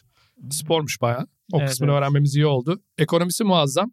Çok ciddi bir yatırım gerektiriyor. Ve Hem çok birey bir anlamında deniz ya bu arada. Çok daha öğreneceğimiz daha da fazla şey varmış. Yani onu da hissettirdi bana yani. Ya, bu konuşma. Çok kısa şöyle bir bilgi mesela bugün e, yurt dışında David Beckham'ın da ortak olduğu Guild var mesela 50 milyon dolarla her şey yola çıktılar. ya. Evet. Şirket çok sıkıntılı mesela 50 milyon dolarla girdiler iki senede. Hı hı. Ve hiçbir başarı da gelmedi. Satın şey- alalım mı? Abi sakın yani hadi sağ Yok senle birlikte gidelim talip olalım. Ama mesela Beckham'ın hani. Şey diye bir şey yok bizde. Bizdeki en büyük handikap da o. Parayı verdik abi giriyoruz. Onun bir garantisi yok. Çünkü sürekli 16-17 yaşında bir manyak geliyor arkadan. Hani sen en iyi oyuncuyu da alsan bir senedir oyunu oynayan dünyanın en iyi oyuncusu çıkıyor bir anda. Hı. Bir de öyle bir durum var. Hani ne yapacaksın? ona? Bence bu çok enteresan hakikaten. Ya her bir sporcu aslında tek başına bir proje ve Evet, bir evet. startup gibi. Bir o sıkıntısı var. İkincisi bir noktada bence bir standartizasyon olacak ve bu bir tek bir havuzda toplanacak. Ya bu kadar farklı mecralar ve bu kadar farklı şirketlerin tek bir spora talip olması bir noktada ekonomik gerçekliğin önüne geçiyor ve ekonomik gerçeklik bence orada dikte edecektir. Hı hı. Ekonomik boyutunu da son şöyle bir eklemiş olayım. Ekonomik boyutu şu an o kadar büyüdü ki yani zaten şu an oyun sektörü. Şimdi oyun sektörünün biz aslında %7'lik 8'lik parçasındayız. E-spor oyunun Hı hı. bütün havuzun %7-8'i. Oyun şu an Hollywood artı müzik endüstrisi artı film endüstrisini topladığınızdaki büyüklükten daha büyük. Hı. Geldiği nokta oyun sektörü. Şu an İnanılmaz. otomotiv ve petrolden sonra en büyük üçüncü sektör olması lazım. Bir de e-ticaretle beraber yanlış bir şey söylemiş Hı hı. olayım. Şimdi mesela konuşuluyor diyorlar ki olimpiyatlara girecek mi? Oyun firmaları dedi ki biz sizi satın alırız. Yani biz kendi olimpiyatlarımızı yaparız. Hani sizin esamenizi okuyor. O kadar da bir burnu büyüklüğe doğru gidiyor. Hı. Çünkü O krallık da var yani. sen diyor ki ya sen beni olimpiyatlara almayı mı düşünüyorsun? Diyor ki ya ben seni acaba ekler miyim benim etkinliğime? Onu 5 sene içinde konuşacağız diyor. Şimdi Büyük olay.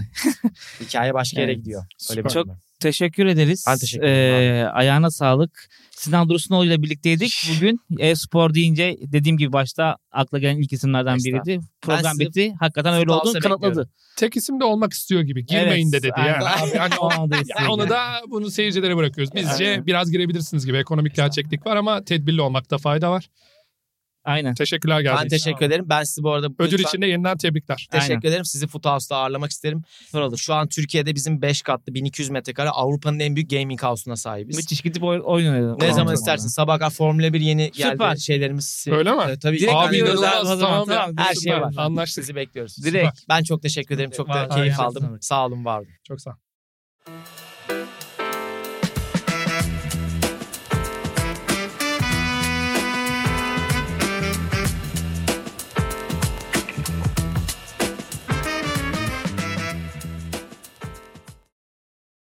Bugün Ahmet Orhan'la birlikte çok değerli bir konuğumuz var. Efe Ketuda bizlerle. Merhabalar. Hoş Merhaba. geldin. Merhaba, hoş bulduk. Sinan Dursunoğlu'yla Esports 101 işledik aslında. Hemen hemen böyle diyebiliriz bence. Bugün esporun etrafındaki o ekosistemi birazcık daha irdeleyelim istiyoruz. Bunun için de ilk espor platformu olan Flank Sports'un kurucularından Efe Ketuda bizlerle. Tekrar hoş geldin diyerek ilk sorumuzla başlayalım abi. Abi Kürşat'ın Hoş bir huyu vardır. Paranın kokusunu aldım bırakmaz. Evet, Evet, evet. onu Geçen fark hafta ettim. böyle baktı işin ucu gidiyor. Espor şimdi- iyi. Baktık yayın da uzayacak. Şimdi bir de Sinan da bir yere kadar açıyor. Paranın Evet. çeşmenin başına Evet, oturmuş. Bir yere kadar açıyor ekonomik gerçekliklerini. Dedik ki biz yine dedik tanıdık başka Daha bir yüz daha şey yapalım. iyice böyle bir İyice yani. Bir de öğrenelim kenarından kıyısından da bir şeyler var mı? İlle hemen bir takım kurmamız gerekiyor diye biraz ekosistemini anlamak istedik. Sen burada tabii e-sportun ilk medya şirketlerinden birini kurmuştun. Hatta iki yanlış bilmiyorsam. Hı hı. E, Yakın zamanda da çok başarılı bir exit oldu bu konuyla ilgili. E, Burada başarılı bir girişimci bu arada Efe. Sadece bu konuda da değil birkaç konuda çok ciddi girişimleri var. Şu anda da çok enteresan bir şey üzerinde çalışıyor. Onu da belki çok kısa bir adını da geçirmek istersin. Ben takip ettim lan ne oluyor acaba falan dediğim ve tam da anlayamadığım ama doğru bir şeyler oluyor. Espor gibi yani zamanındaki. Aynen, aynen öyle abi. Doğru bir şey oluyor. Ben anlamıyorum. Anlasaydım iyi olurdu diye de, özetlediğim bir durum var. Orayı da bence ufak bir kendini tanıtırken geçirmende fayda olur. E, ama bizim en merak ettiğim şey benim. Şimdi bu e-sporun etrafında büyük bir ekosistem var. Ya bunda oyun şirketlerinden bahsettik, federasyonlardan bahsettik, oyunculardan ve oyuncu ailelerinden bahsettik, scoutlar vesaire. Hı hı. O oyuncu kısmından bahsettik. Bunun tamamına sponsor olan sponsorlardan bahsettik. Çıkan yepyeni dijital mecralar ve yayın organları var. Bunlar Twitch'ler vesairelerin e, olduğu bir ekosistemden bahsettik ve eminim daha şu anda ben özetlerken atladığım ekosistem parçaları da var. Bir oyun ekosistemini tanımlamak istersek, e-sporun etrafındaki bütün ekonomiyi, bütün ekosistemi tanımlamak istersek nasıl tanımlarız? Senin perspektifinden bir onu anlamak isterim ben ilk önce. Ama ona başlamadan kısa bir kendini bir tanıt. Şu Tabii. şanlı rezümen bir konuşsun. Estağfurullah.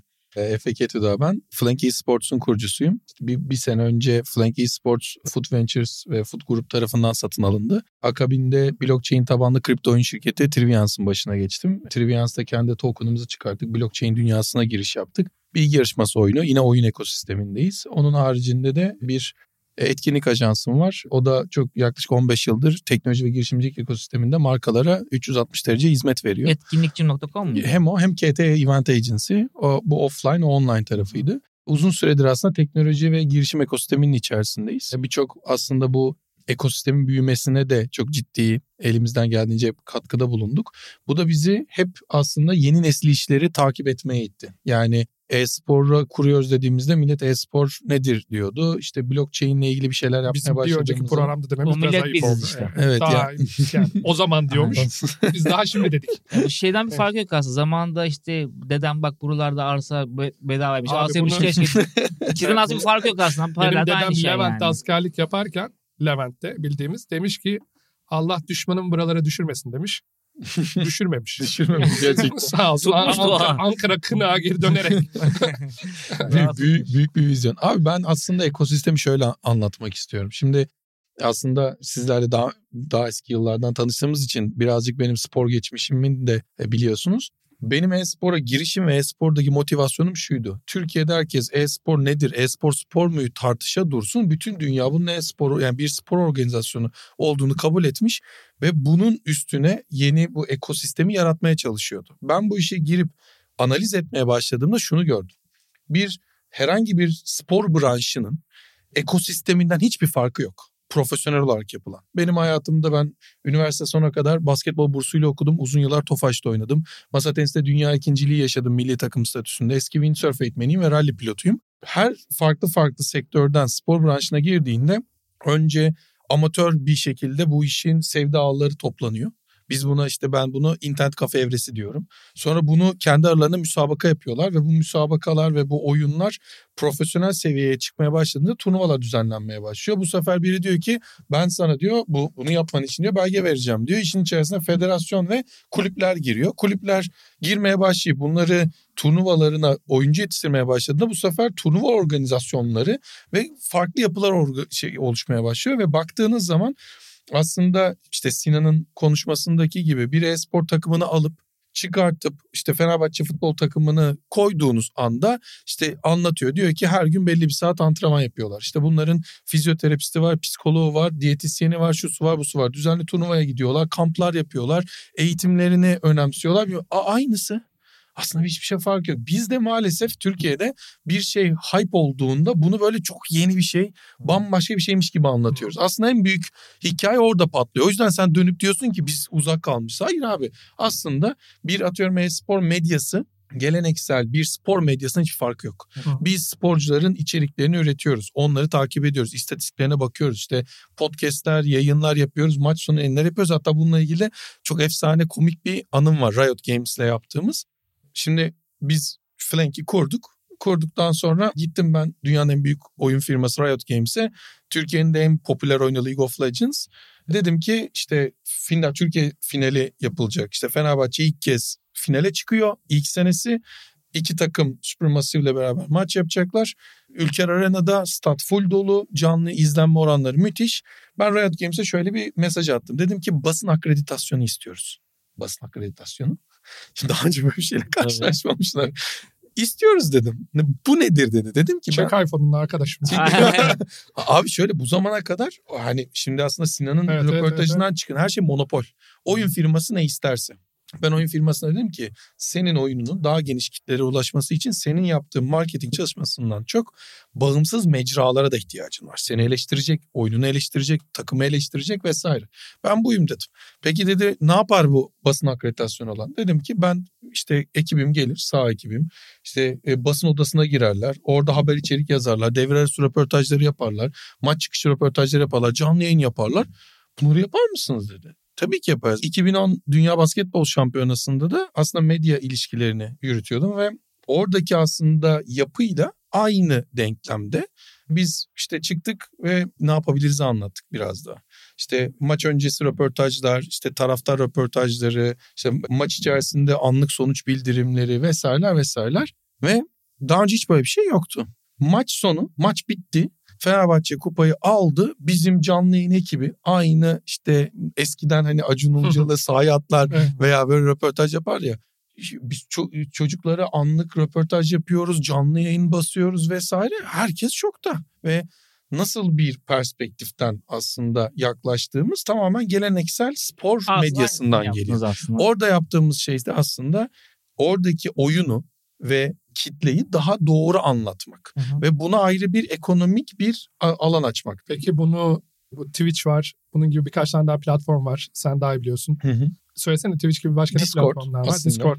En, en büyük ikisi bunlar mı? Evet. Şimdi aslında e-spor bir anda hype olunca markalar nasıl buraya dahil olacağını bilemediler. Hı hı. Tamam mı? Şimdi Sinan'ın anlattığının aslında negatif tarafından baktığımız zaman Türkiye'de iyi başarılı sponsorluk örnekleri çok az. Hı hı. Ve markaların çoğu buradan kaçıyorlar. Neden?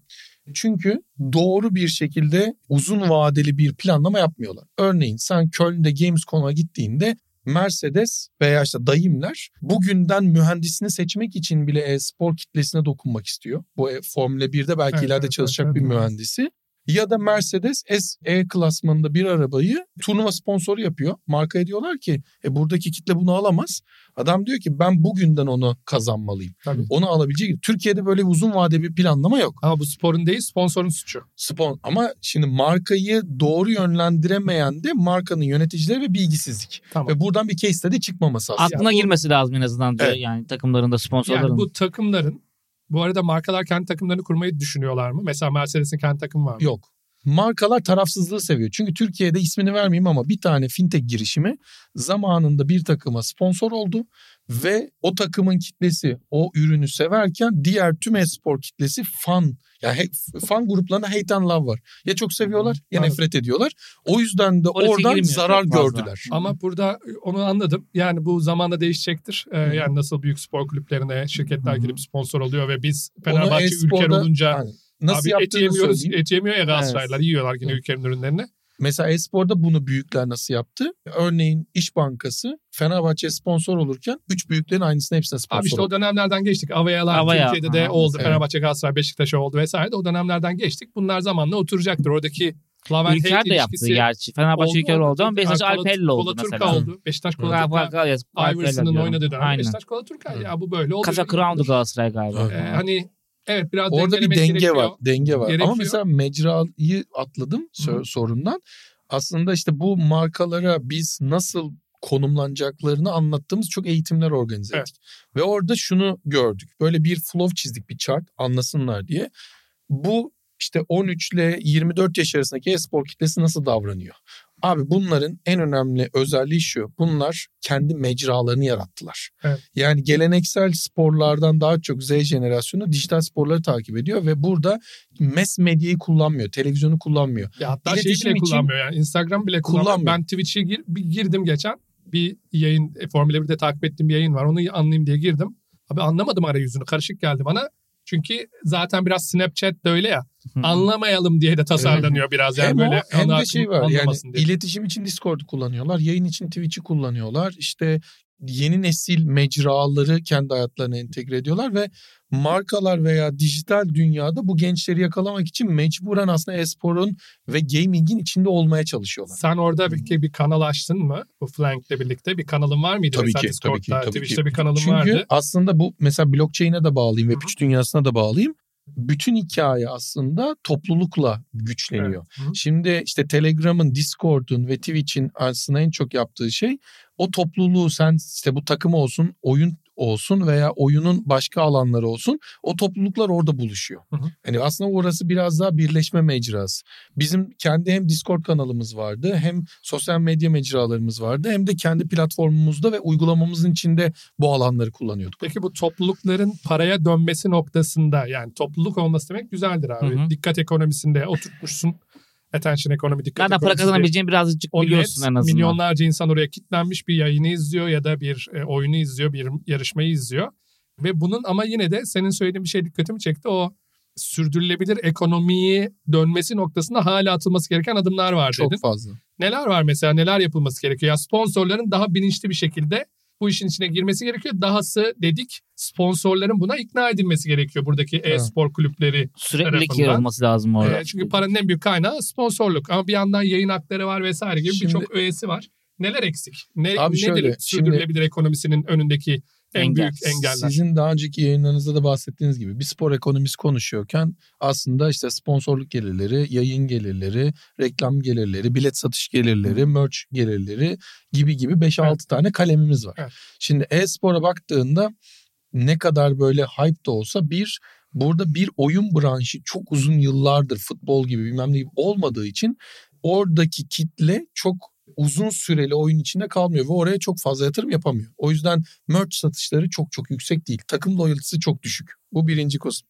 İkinci kısım oyun firmaları tüm yayın haklarını kendi ellerinde tutuyor ve kendilerinin bunu bir pazarlama mecrası olarak kullanıp geri kalan kısımları da Twitch'ten ya da YouTube'dan free verdikleri için yayın haklarının satışından bir gelir Türkiye özelinde almayıp takımları da bölüştürmüyorlar. E şimdi bu iki ana kalem olmadığı noktada bile fiziksel olarak bilet satışlarının da yüksek olmadığı ki hani Riot Games'in Türkiye'de e-spor arenası açıp sonrasında kapattığı bir dönemdeyiz aslında. Yani çok iyiye gidiyorduk ve bir anda bir şeyler Ataşehir'de açılan yer mi? Ataşehir'de aynen. Yani stadyumları doldururken Evet, o biraz evet. önce hı. basın akreditasyonu aldığım noktada şu an stadyumda e-spor finali yapılmıyor. Neden? Aslında o sürdürülebilirliği bence doğru oturtamadıkları için. Tamam. Çünkü takımlar çok para harcıyor ama gelir kadar yok. Yok aynen öyle. Hani bunu mesela işte işte bu kadar kişi maçı izledi bu kadar kişi ulaştı diyorlar ama bunu mon- monetize etme kısmında ciddi problem yaşıyorlar. Ya boşluğun olmasının nedeni bunu doğru şekilde monetize edemeyen ve belki Sinan'ın aksine zarar eden ve kapanan Çok Sinan'ın kulübünün aksine Sinan Türkiye'de benim bildiğim kadarıyla Artı olan. artıda olan tek e-spor kulübünün sahibi. Diğerleri paraya Yani döndüremiyorlar yani. Ya dönmesi dön- zorlanıyor dön- diye bir dön- süre sonra ortadan kalkıyor kulüpler ve bu yüzden de maçlar ve sporcuların aslında arzı noktasında mı bir sıkıntı var yoksa Türkiye'deki talep noktasında mı bir sıkıntı? Şöyle aslında ikisi de değil tam. Çünkü sporcu durmaksın geliyor. Müthiş bir genç yetenek havuzumuz var. Oyunlar yani artık çocuklar sokakta oynamıyor bizlerin oynadığı gibi. Tamamen dijital bir dünyada büyüyorlar ve kendileri orada sosyalleşiyorlar. Bu da çok önemli. Oraya daha aitler. O yüzden o da var. Bunlar bir araya geldiğinde bunları oynayacak ve bunları izleyecek insan da var. Ama işte doğru konumlandırma, doğru model yapısı ve bence oyun firmalarının da burada bazı yanlış kararların etkisiyle markalar buraya girmiyorlar. Girmedikleri noktada da sadece buraya doğru kaynak akmamasından kaynaklı takımlar da oyuncular da veya buraya yapılan yatırımlar da sürdürülebilir olmuyor. Bence asıl en büyük karşılaştığımız problem bu. Oyuncular çok fazla maaş alıyormuş. Onu biraz yani bir, önümüz geçen hafta öğrenmiştik Sinan'dan. Evet. Yani getirdiğinden daha doğrusu ekonominin büyüklüğüne göre iyi paralar Bir şeyden alıyorlarmış. bir farkı yok yani. Şimdi ne oldu? Bizim biliyorsun içinde bulunduğumuz sektörde kuryelerin maliyetleri çok ciddi Evet, arttı. evet. %450 arttı son iki senede. İşte startupların çok ciddi ve belki ekonomik gerçeklikle barışmayan bir şekilde artmasının olduğu yazılımcıların maliyetlerini çok ciddi arttırdı. Yani şu anda Türkiye'de bile çok iyi bir yazılımcıysan beni düzen 150-200 bin dolar yıllık maaşları anca zapt edebiliyorsun. Anca alabiliyorsun. İnanılmaz bir rakam. Hangi sektör veriyor?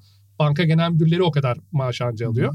Şimdi böyle bir durum olduğunda burada bir enflasyon oluyor. Ama orada enflasyon işte ekonomik gerçeklikle barışmayınca ya hakikaten o adam, o yazılımcı, o kurye ya da o e-spor oyuncusu buradaki gerçek yani katma değeri yaratamayınca Hı hı. ki bunun yaratmasının önünde bence en büyük engellerden biri hakikaten oyun şirketlerinin biraz hegemonyasında bu işin çok Evet. olması ve oyun şirketlerinin bu pastayı paylaşmaya hazır olmaması bence birinci neden. İkinci neden buradaki sporcuların ve etrafındaki ekosistemin bunu sürdürülebilir bir şekilde disiplinde yapmıyor olması gibi görüyorum ben biraz önceki konuşmalardan da. Üçüncü neden de şirketlerin bu konuda ikna olmaması ve anlık heveslerle gidiyor olması. Burada da şirketlerin birçoğundaki ne yazık ki bu agency problem dediğimiz bir sıkın- sıkıntı var. Evet. E, Şirket hissedarı uzun vadeli düşünür ama şirket yöneticisi kısa vadeli düşünür. Çünkü onun primi, onun Hı hı. maaşı kısa vadeli performansa bakar.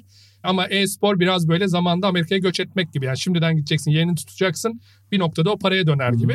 Bu üç sıkıntı e-sporun benim gördüğüm ekosistem anlamındaki en büyük dertleri gibi. Evet yani aslında uzun vadeli herkes e-sporun uzun vadeli bir yolculuk olduğunu farkında ama hiç kimse adımlarını uzun vadeli atamıyor. Yani Hı. içindekiler mecburen kısıtlı kısıtlı kaynaktan dolayı kısa süreli atıyor.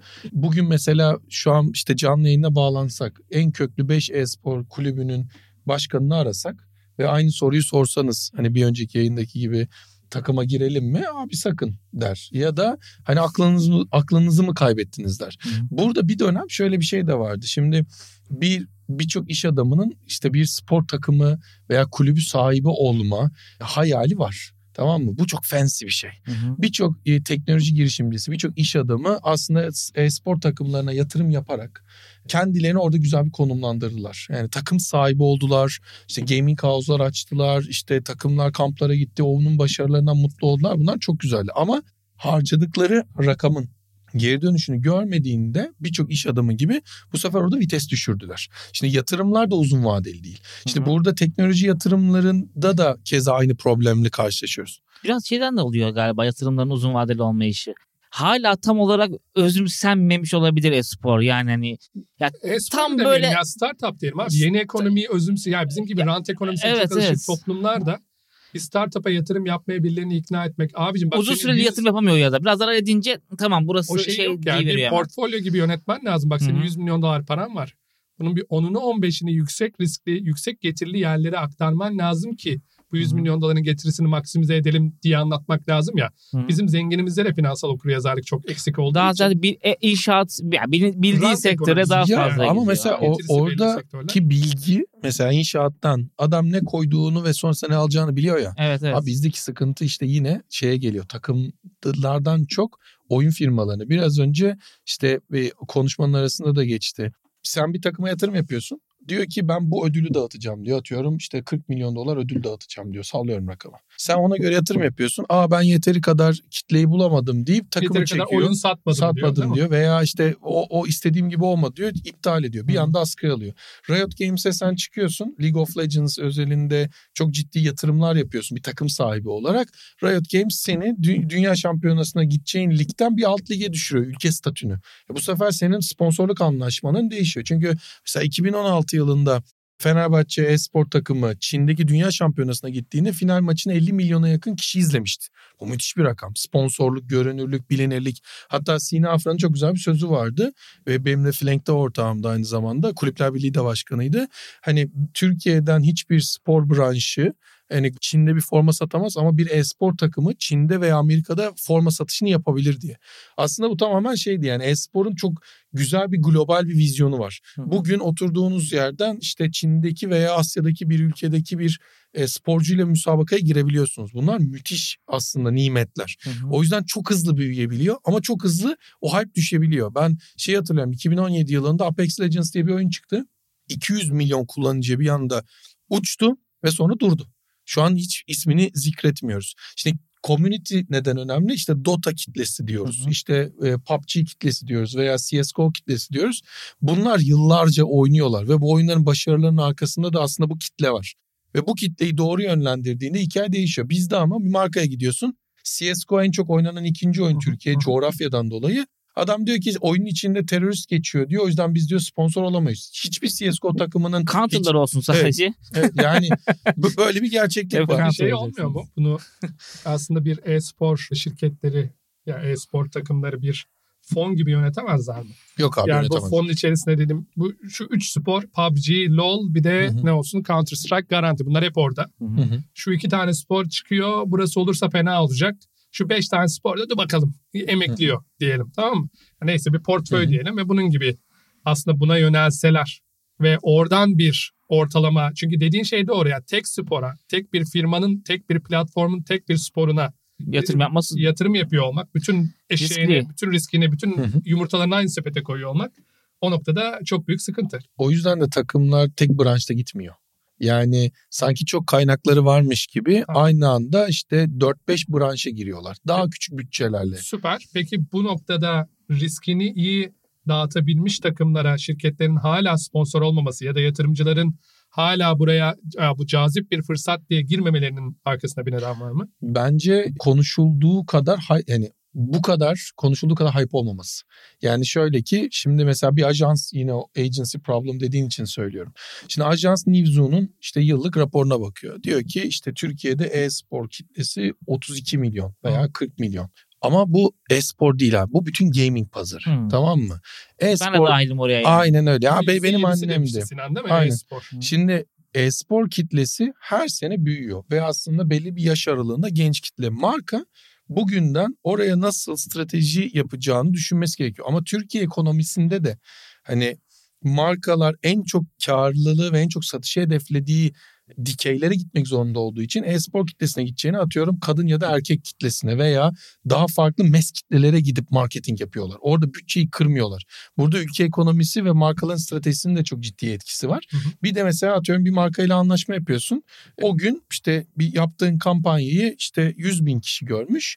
Adam diyor ki "Ya bu düşük diyor. Ben diyor hürriyette şunu yapsam diyor atıyorum bir içerik özel bir içerik çıkartsam diyor 1 milyon kişi görür. Bununla benchmark ediyor. Hı hı. Hani o niş dikey kitleye gitmek, onu şimdiden kazanmak bununla ilgili hiçbir şey yok. Yani nasıl söyleyeyim hedefi stratejisi çok yok. Ama bu bütün aslında dijital mecrayı pazarlama enstrümanı olarak kullanan bütün markaların karşılaştığı bir sorun değil mi e-spordan bağımsız olarak? Evet. E şimdi influencer ekonomisinin arttığından bahsediyoruz. Evet. Hani bu ne kadar influencer, ben bu arada influencer'ın etrafındaki hype'ın da çok abartı olduğunu düşünen birisiyim. Hı hı. Yani gerçekten bu 100 bin kişi, 1 milyon kişi bir şey izliyor da videoyu. Mesela şimdi Kürşat e, bir oyuncu. Kürşat'ın Hı hı. kaç 70 bin mi takipçi var? Ee, 40 100 bin diyelim. 40 bin falan ya. 40 bin 40 takipçisi var.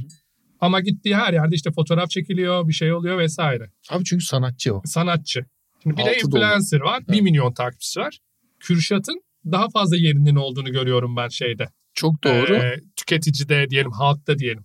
Şimdi o da bana o aslındaki aradaki boşluğu gösteriyor. Yani senin 40 binlik zaten bir hype'ın var etrafında hakikaten bence. Hı hı. Ki daha fazla. Ama 1 milyon takipçisi olan adamın da senin yarın kadar bir heyecan oluşturuyor etrafta. Yani ben e, çocuklar takip ediyoruz işte işimizden ya. dolayı. Benim üstümden gitmeseydi. Abi, önemli mi? ya ama orada yani. orada mesela şöyle bir nokta var abi. Mesela Kürşat'ın hiçbir zaman çıkıp da hani şey storiesini görmüyorsun. O zaman bu bardağı veya bu işte Atıyor da siz görmüyorsunuz. Yakın arkadaşlar grubuna atıyor. Şey atıyor. atıyor? WhatsApp Bana her Öyle gün özel. bu bagi aldım. E, Evet, çok çok memnunum diye bana her gün. WhatsApp'tan. Ya orada işte şey Yeşil circle. Orada yakın arkadaşlar atıyor. Siz at. Şey yapın. Çok iyi. Bunu Yeteri şey olursa sponsorluk olursa onları konuşacağız. Şey iyi. Şaka bir yana evet abi buyur. Yok orada aslında influencerlar ya bana göre influencerların çoğunun kendi dikeylerinde hikayeleri aslında Kürşat'la çok benchmark edilecek gibi bir noktada değil.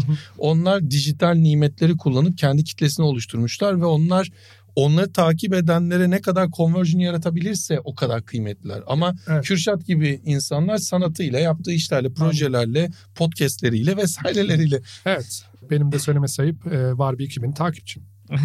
Ben de sponsorluklara açı, açığım. Evet. E, ama şey kısmını konuşalım mesela. Şimdi burada çok güzel bir örnekten ilerle. Merve Özkaynak diye benim de ben eşliği Tanırım. vasıtasıyla tanıştığım Cem'i birisi var. E, Cem Özkaynak biliyorsun. Creator Station'ın kurucusu. Abim e, Merve'nin yanlış bilmiyorsam 2 milyon falan takipçisi Hı var. hı. Ve Merve'nin takipçisi ama satın almaya dönen bir takipçi. Evet. İşte e, makyaj Sadık. şirketleriyle birlikte e, kendi şeyleri çıkardı, ürün çıkardı vesaire vesaire. Ya Merve bunu alın diyor. Hani e, hani Merve Ahmet'in üzerindeki gömlek çok şıkmış dese ki millet bana soracak ya hangi marka o falan diye. Hı hı. Buna benzer bir influencer etkisi, ekonomi etkisi. Çünkü olay şeye geldi. Yani niye bunu konuşuyoruz kısmında. Bence bütün ekosistemi değerlendirecek olursak olay bu ekonominin sürdürülebilirliğinin etrafında e, yayın gelirlerinin oyun şirketlerinin zapt edilmesi kısmı zaten bir dert. İşte merch gelirleri olsa da bu game changer olmayacaktır. Burada asıl olay sponsorluk gelirleri ve sponsorluk gelirlerinin kanıtlanabiliyor olması kısmı. Burada e-sporcuların sponsorluk gelirlerinin kanıtlanabilir bir yönü var mı? Ya öyle bir e-sporcu var mı? Babacım bu adamı dinleyince bu adamın üzerindeki tişörtü al ya da mouse'unu al ya da Tahmin İşte- edilen daha fazla. var. Şöyle e-sporcuların ciddi bir kısmı aslında her gün Twitch'te yayın açıyorlar ya. Hı hı. Aslında onlar kendi bas kitlesini oluşturuyorlar ve e-sporcuların yani bu influencer e-sporcusu olan veya emekli olup yayıncı olan biz onlara yayıncı diyoruz. O yayıncıların gücü Fenerbahçe ile atıyorum Beşiktaş e-spor takımının maçının izlenmesinden daha yüksek izleniyor Hı hı. veya maçı değerlendirme şeyi. Şimdi burada zaten bence en büyük risklerden biri marka ben doğrudan o kitleye bir şey sattıracaksam diye parayı markaya veya espor takımına değil influencer'a veriyor. Süper abi. Süper. Anladım ben. Yani benim burada takıldığım olay oraya geliyor. Bence bireylerin ve sporcuların etrafında bir ekonomi var. Evet, ama Ama takımlar bir yandan oyuncu, e, Evet. oyun şirketleri var. Hı. Bir yandan oyuncular var. Hı. Bir yandan sponsorlar var. Bunların arasında çok da daralmış bir oyuncuların paydan, dünyası gibi birazcık çok daha daralmış bir olmuş. paydan. Aslında intermediary'lerin ortadan kalktı. Yani Hı. aracıların ortadan kalktığı bir Takım burada gidiyoruz diyebilir miyiz mesela?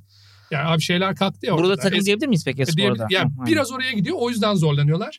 Takımların belki kendi rollerini daha iyi tanımlayabilecekleri, e, daha net bir şekilde oyuncuya, sponsora ve oyun şirketine katma değerini artiküle edecekleri bir sistem olmadığı takdirde bu oyunun sürdürülebilirliği, yani bu mecranın sürdürülebilirliği, bu sporun sürdürülebilirliği noktasında soru işaretleri hep devam ediyor olacak gibi gözüküyor. Bir de şu bence son olarak şunu da söyleyeyim. Yani şu anda belki bu kadar büyümedi ama şimdinin e-sporcuları 15-20 yıl sonra biraz maddi durumları iyi olduğu için daha da fazla buna yatırım yapmaya başlayacaklar belki. Biz de çok uzak kaldığımız için de bizim elinde parası olan insanlar da e-spora birazcık yakın olmadığı için de aslında yatırımlar birazcık düşük Aslında bugün olabilir. bugünün e-sporcuları 15 sene sonra dönüp bu ekosisteme bildikleri Evet. işe yatırım yapacaklar. Evet o yüzden daha da fazla büyüyecek Evet. belki de Yok kesinlikle. yıllarda. Zaten o abi yani şöyle bir şey var. Bütün araştırma raporlarında da Y jenerasyonu ile Z jenerasyonu karşılaştırılırken artık Z jenerasyonu geleneksel sporlardan daha çok dijital sporları Hı hı. takip ediyor ve bu artık kabul edilmiş bir gerçeklik. Buna aslında bizim hani direnç uygulayacağımıza bunu nasıl Önüne daha açabiliriz. evet önünü açabilir işte. İşte Cem Bölükbaşı bunun güzel örneklerinden biri. Yani bir evinde oynadığın bir direksiyonla bir anda Alonso'yla aynı takımda antrenman yapabilir konuma gelebiliyorsun Veya bambaşka kapılar açabiliyorsun. Bunun nimetlerini gerçekten masaya yatır bu ekosistemi nasıl büyütürüz'e gitmemiz gerekiyor. Benim burada en çok rahatsız olduğum konu hani Ahmet de çok iyi bildiği gibi ya biz girişimciliği de işte e, hep arkadan takip ediyoruz. Endüstriyi de arkadan takip ediyoruz. Şimdi sporda bir dijital bir devrim yaşanıyor. Onu arkadan biz takip ediyoruz. ona direnç uyguluyoruz. Yani 15 sene sonra ben eminim ki işte artık bir marka gelip de geleneksel bir futbol voleybol takımına sponsor olacağına onun e-spor takımına sponsor olacak veya scouting sistemleri ona göre değişecek veya başka kapılar açılacak. Çünkü bu işin kariyer tarafı da veya oradaki insanların artık iş alanları da değişiyor. Bambaşka alanlar açılıyor. O yüzden de burada önümüzde çok güzel bir gelecek var. Bu geleceği böyle Türkiye'nin o Direnç Ha, göstererek diren- değil de fayda sağ oraya Yüzde yüz abi. yönelmemiz gerekiyor. yani. kesinlikle. kesinlikle. Bence e-sporun bence iki bölümdür hepimiz buna kanaat getirdik ya e-sporun geleceği. E-spor kaçınılmaz. Geleceği de çok parlak.